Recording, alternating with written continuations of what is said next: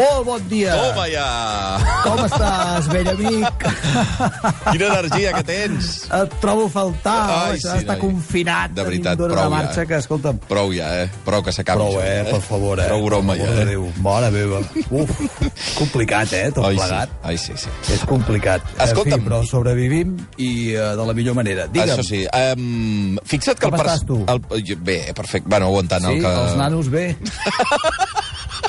Esclar, fa tant temps que no ens veiem. Que estem fent una videoconferència ara, no? Allò que es fa. Que esteu bé. Una, sí, esteu bé, una, a casa. conversa fa 10 anys que... Sí, tots bé, tots bé.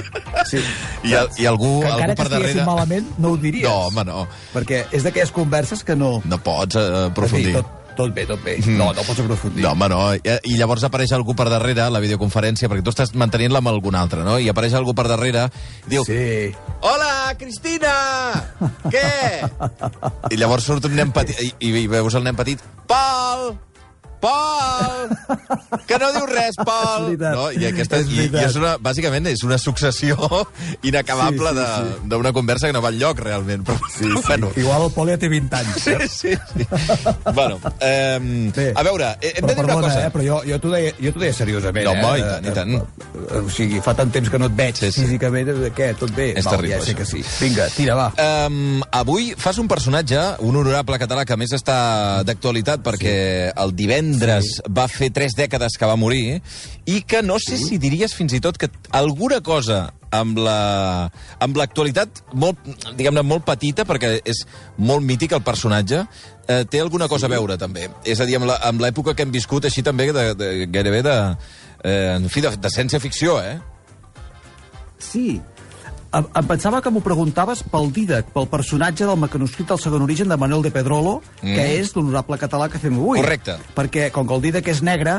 Eh, També, també. El Pedrolo va ser eh, un dels primers autors, eh, m'atreviria a dir que a nivell europeu, que es va atrevir a fer protagonista una, una persona de raça no blanca amb un final esclatant, eh, que ara, ara, ara farem l'espoiler totalment, i que és un dels pioners en aquest aspecte.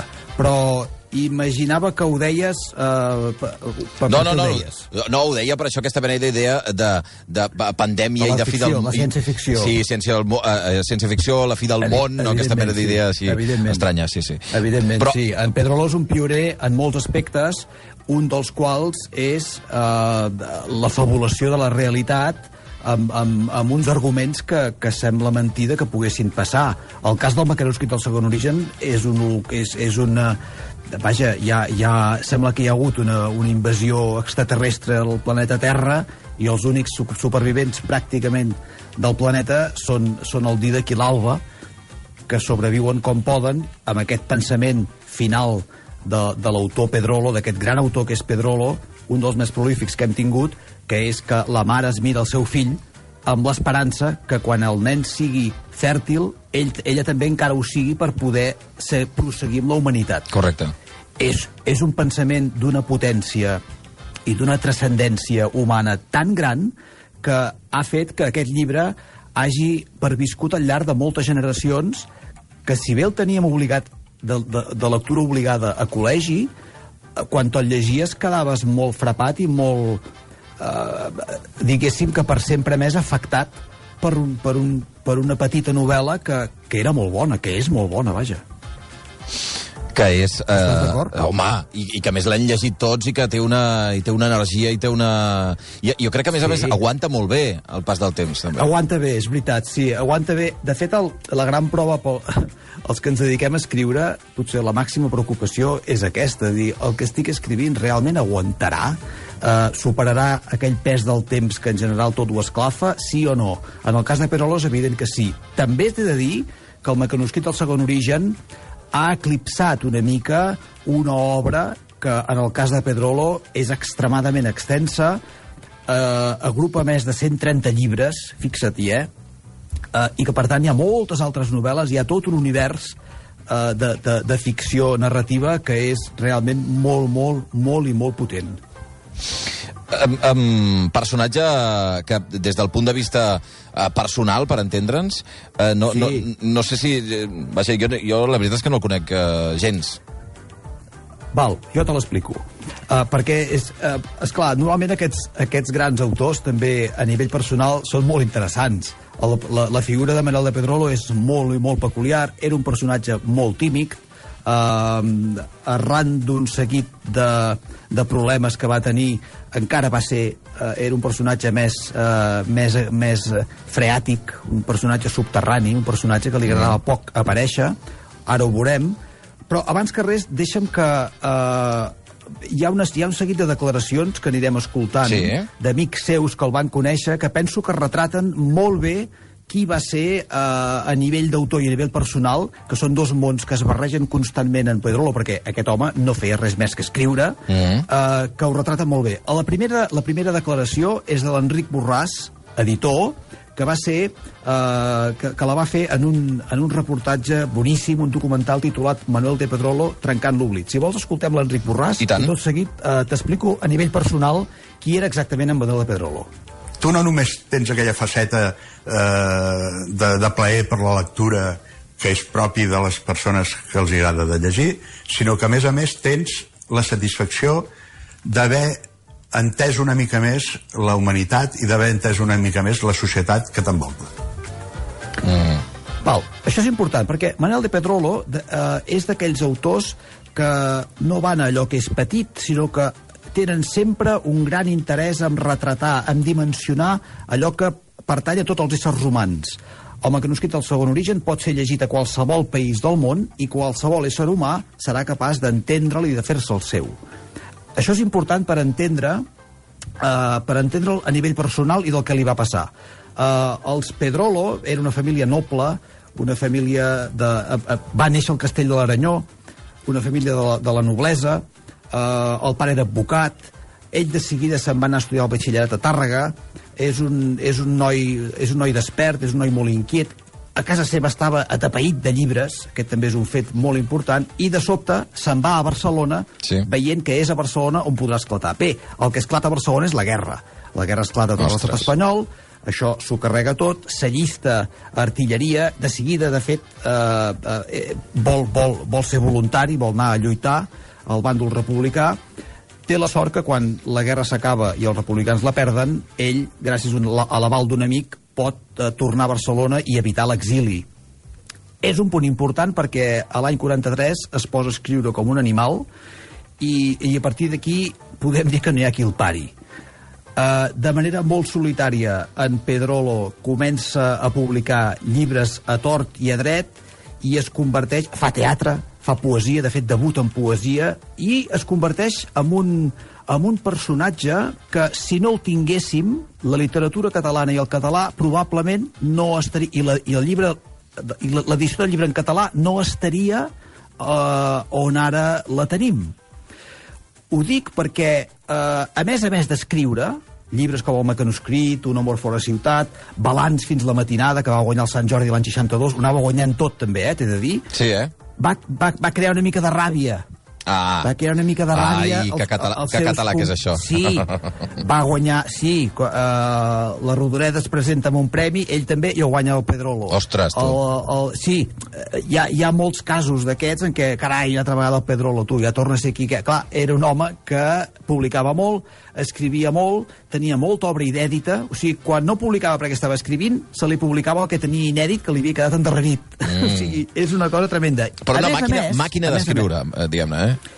Era una màquina d'escriure, sí, Clar, clar. molt bé, una màquina d'escriure. A més a més, veu directament, i això és molt important per entendre l'èxit del manuscrit del segon origen, veu directament dels autors americans i se'n converteix, a part de també francesos i italians, es converteix sobretot en el gran traductor que als anys 50 i 60 porta al català l'Steinbeck, el Dos Passos, el Faulkner, el Kerouac, eh, la generació Beatnik, tota aquella sèrie d'autors que havien modernitzat la literatura a nivell mundial i que ell, a més a més, tradueix. Però atenció, atenció, perquè el Pedrolo els tradueix de l'anglès i ho fa de manera força correcta, però no parlava anglès. Clar. O sigui, eh, havia hagut d'aprendre eh, l'anglès a través de diccionaris, llibres que ell es va anar comprant, i fixa-t'hi, o sigui, el nostre traductor durant molts anys del Faulkner, el Kerouac i tots aquests autors que, que tant ens han marcat, estan fets per una persona, per un gran escriptor, que és en Pedrolo, que no parla anglès. Uh, escoltem-ho, escoltem-ho, és espectacular. O sigui, era un home, és un cervell peculiar. És un cervell peculiar. Ho explicava el seu amic Eduard Llaurador en el mateix reportatge que t'he dit abans. Coneixia en profunditat la llengua anglesa. Però com la va aprendre? Doncs la va aprendre tot sol.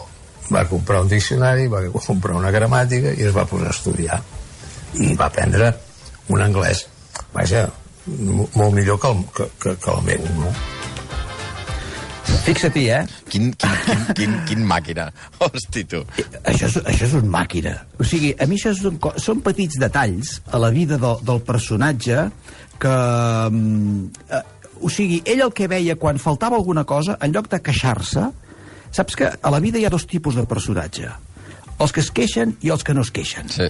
Perquè hi ha gent que sempre s'està queixant. I aquest és el país de la gent que, oh, mira què m'han fet, no sé què. No, el Pedrolo, quan veia que hi havia alguna cosa que faltava, ell la posava. Clar. Per exemple, Mira, per, per, perdó, eh? És- Això és el que el, el Capdevila en deia, eh, en aquelles conferències esplèndides que feia el Carles Capdevila, i deia, eh, a Catalunya sempre hi ha els emprenedors, no? els que, que fan coses, Sí. i els emprenyadors.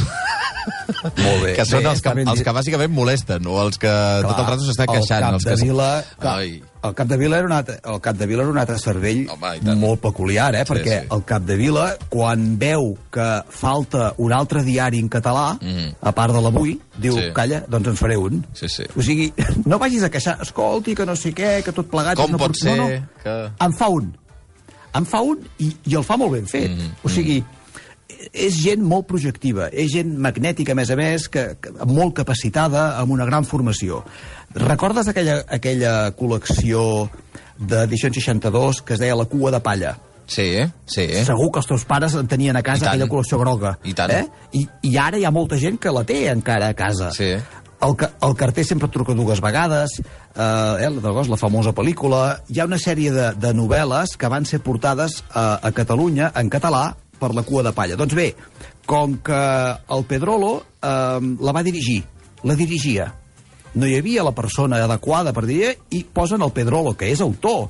Però quan s'adona que vol publicar autors de novel·la negra, de novel·la de misteri en català per omplir la cua de palla, com que no n'hi ha, doncs ell es posa a escriure novel·les per encabir-les dintre de la cua de palla. Clar. Ho entens, això? Sí, sí, o sí, sigui, sí. És una cosa... Clar, això ho explica un altre personatge, que és un altre, un altre molt bon autor, que és en Pep Albanell. Escoltem el que deia. La selecció d'obres que l'havia fet el Pedrolo, almenys la primera, estava molt ben feta. Normalment les traduccions eren d'una qualitat extraordinària i, a més a més, ens van proporcionar en català, amb un idioma dúctil, van, van començar a crear un català popular eh, molt digne, El, ho veus, això? O sigui, el, eh, a més a més, de sota mà, cal dir un altre fet molt important, que és que el Pedrolo, ara que celebrem els 30 anys, fixa't, i només 30 anys de la seva mort, va morir l'any 90, el 26 de juny, com has dit, Sí. és, ha estat l'autor català eh, més censurat. Sí. Això és terrible. A més a més de tot el que va arribar a publicar, hi ha una novel·la en concret, jo ara mateix la tinc al davant, una novel·la que es diu Un amor fora ciutat. Aquesta novel·la es va publicar l'any 70 i aquesta novel·la és pionera al nostre país perquè els dos personatges que la protagonitzen són dos homosexuals. A l'any Aquesta 70, novel·la, eh? a l'any 70. Bé, en Pedrolo immediatament va ser processat. Va ser processat. Uh, al final, al cap dels anys, no va, va, va, tot, tot plegat es va quedar amb res, però, evidentment, s'ho va passar molt malament. Un amor fora ciutat, aleshores, tenia com a... Tenia, va ser publicat en una editorial que es deia Aimà, que la portava uh, el famós mecenes del Floyd, el J.B. Sandrós.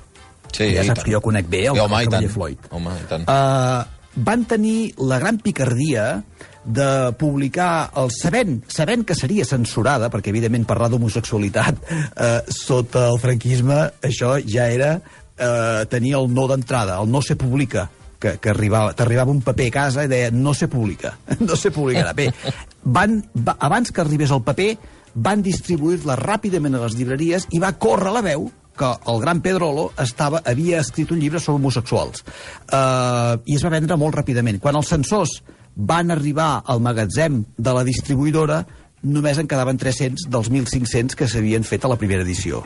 Per tant, calia anar molt per endavant del que, del que es preveia que passaria amb la censura i anar fent la viu-viu amb el règim franquista.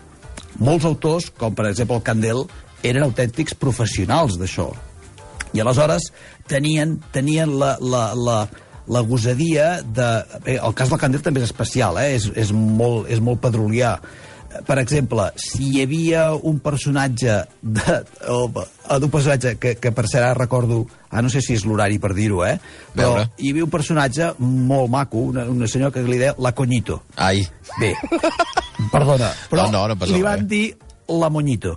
Ah, o sigui, veus. canviant una lletra, crac. Ja està. Però, esclar, però això és pitjor, perquè si tu prohibeixes una cosa, és pitjor, perquè si prohibeixes... Llavors tothom, arran d'aquesta anècdota, fa que el censor aconsegueixi l'efecte contrari. Absolutament. O sigui, és una Absolutament. cosa... Llavors no tothom parla de la, de la Moñito, quan potser hagués Tothom passat parla de la Coñito. de, de, de, de, què va passar? desapercebut, clar. Una novel·la com Un amor, de, un amor fora ciutat, que hagués pogut passar desapercebuda, com passa amb la majoria de, de, de, de, de novel·les o, o de llibres, que eh, va començar a, a ser molt desitjada pels lectors. Perquè, a més a més, és molt bona. I, a més a més, va ser traduïda al castellà.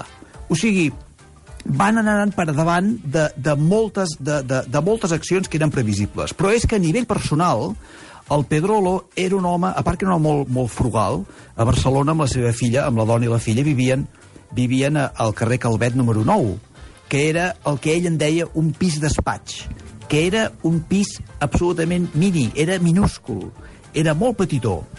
Uh, era un home tremendament frugal, havia, havia fet moltes feines, uh, fins i tot es diu que havia, una vegada havia, havia portat un vagó carregat de taronges de València, havia fet d'investigador privat, uh, era, havia fet de mestre. Uau. Ah, era- Però sí, què és sí. això? Però què és aquesta Sí, sí, sí. vida tan increïble? Bé, és, bé, és un perfil de vida molt nord-americà. Mm -hmm. En el fons, jo crec que cadascú s'acaba interessant per aquelles coses que potser l'identifiquen una mica amb la seva vida. Mm. I, uh, I això en Pedrolo ho tenia molt. És un, és un tipus de vida que, no sé, jo l'identifico molt amb, aquella, no, amb aquestes novel·les de, de, de, de, de, de personatges una mica castigats, però que tiren endavant una, un heroi Uh, un Sí. heroi O- molt o- autèntic o- i molt, i molt sí. concret. O, Bé, o, o en aquest cas, eh, di- diguem-ne, aquell- aquesta manera de, eh, de, de personatge, en tot cas, que sembla gairebé de ficció, no? No, no et podries sí, sí. imaginar que una persona que va, va passant Doncs per bé, totes sí, aquestes fases sí. publica tant Sí, sí. i es converteix en, Sí, un, sí. en un monstre literari, no? Sí, sí. Mira, però, per exemple, a nivell personal, que em demanaves, per casar-se amb la seva dona, Sí. eh, resulta que, a veure, a casa seva, Ai, a veure. com que era de família bona... És que et veig dubtar, els Pedrolo- et veig dubtar i penso, ai, ai, ai, ai, a veure... Què dirà? No, eh, no, una miqueta sí. Però com que era de família bona, Sí. eh, tu, això, que això segueix passant. Uh. -huh. de família bona no volien que es casés amb una noia de Sants. Ja. Aquesta noia era de Sants. Ja. M'entens? I de Sants era poca cosa, Josefina, Josefina Fabregat, uh Mhm. -huh. uh, que era una, una noia, una pobreta, una teixidora del barri de Sants. Doncs bé, per casar-se amb aquesta noia, en Pedrolo eh, va fer mans i mànigues... Eh, fi, fins que no s'hi va casar, no va parar. O sigui, no ho va deixar estar. Aquest fet anecdòtic, que és tan personal i tan íntim, t'explica molt bé el tipus d'embranzida que li dona la prohibició. El tipus d'embranzida i de força elèctrica d'un personatge que més era prim, era prim com una mala cosa, fumava. Fumava, aquest senyor.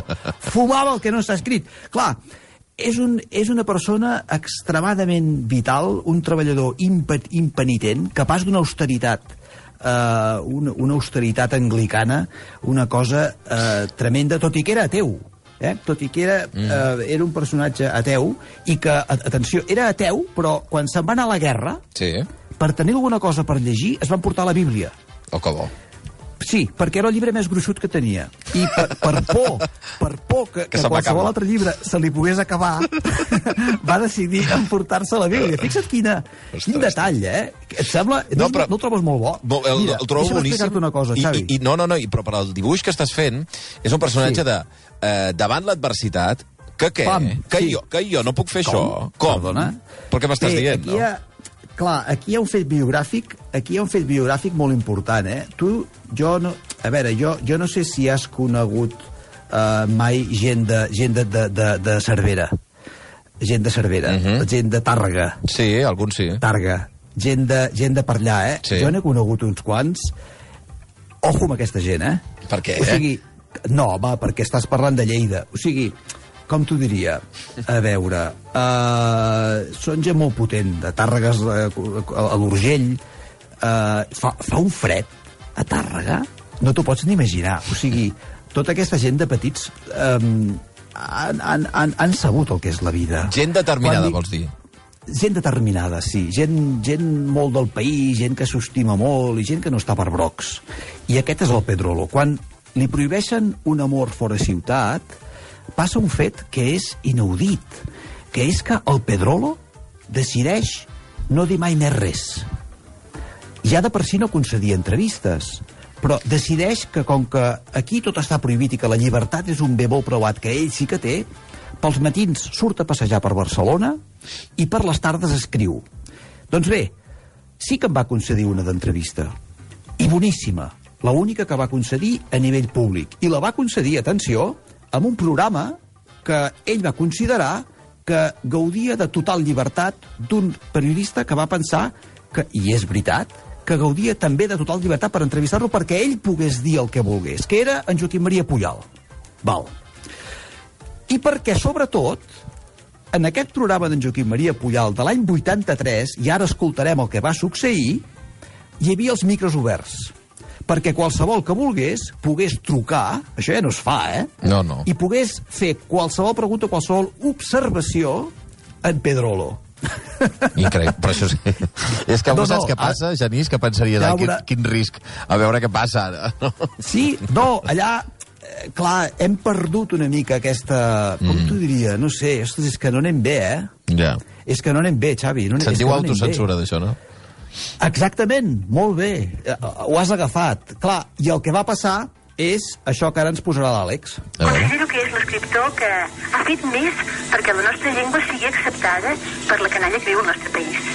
I per tant, doncs, voldríem llegir més novel·les d'ell. Uh, Montserrat, jo penso que ets una persona molt exigent perquè mira que demanar-me a mi que escriga més, o sigui, dir que escric encara poc, quan en general se m'acusa de que escric massa. Tot, poc. ah, bé, i potser hi ha altra gent també com tu que pensen d'aquesta manera, però la major part potser pensen de que escric massa. Almenys moltes vegades se m'ha acusat de que escric massa. I jo penso que no he escrit ni massa ni poc. Ha escrit simplement allò que d'una manera o altra portava dintre i he guanyat traient, i he guanyat traient amb una certa regularitat. Que resulta que hi portava una, certa, una quantitat, una certa quantitat de coses. Molt bé, estupendo. Més val porta més que porta menys. Però no diguis que he escrit poc, eh? Aquest accent. Jo he volgut, he volgut que l'escoltessis perquè, clar, eh, eh, escoltar la veu de l'autor amb aquest accent tan peculiar, eh? És, és especial. Ui, està passant alguna cosa... Genís, està passant alguna cosa amb el micro? Que ara, ens... ara, ara, ara. Sí, perdona, ara ens sentem per... he agafat el- Perfecte. He agafat el telèfon No, no. i és que estic, estic caminant pel menjador. I no, no, I ara i l'he tapat. Val, què què t'has perdut? És No, res, res, res. Se sentia una mica lluny, Val, val, ja està. val. Se sentia malament, però se Val, sentia. perdona, perdona. Ara torno els papers, a veure aquí.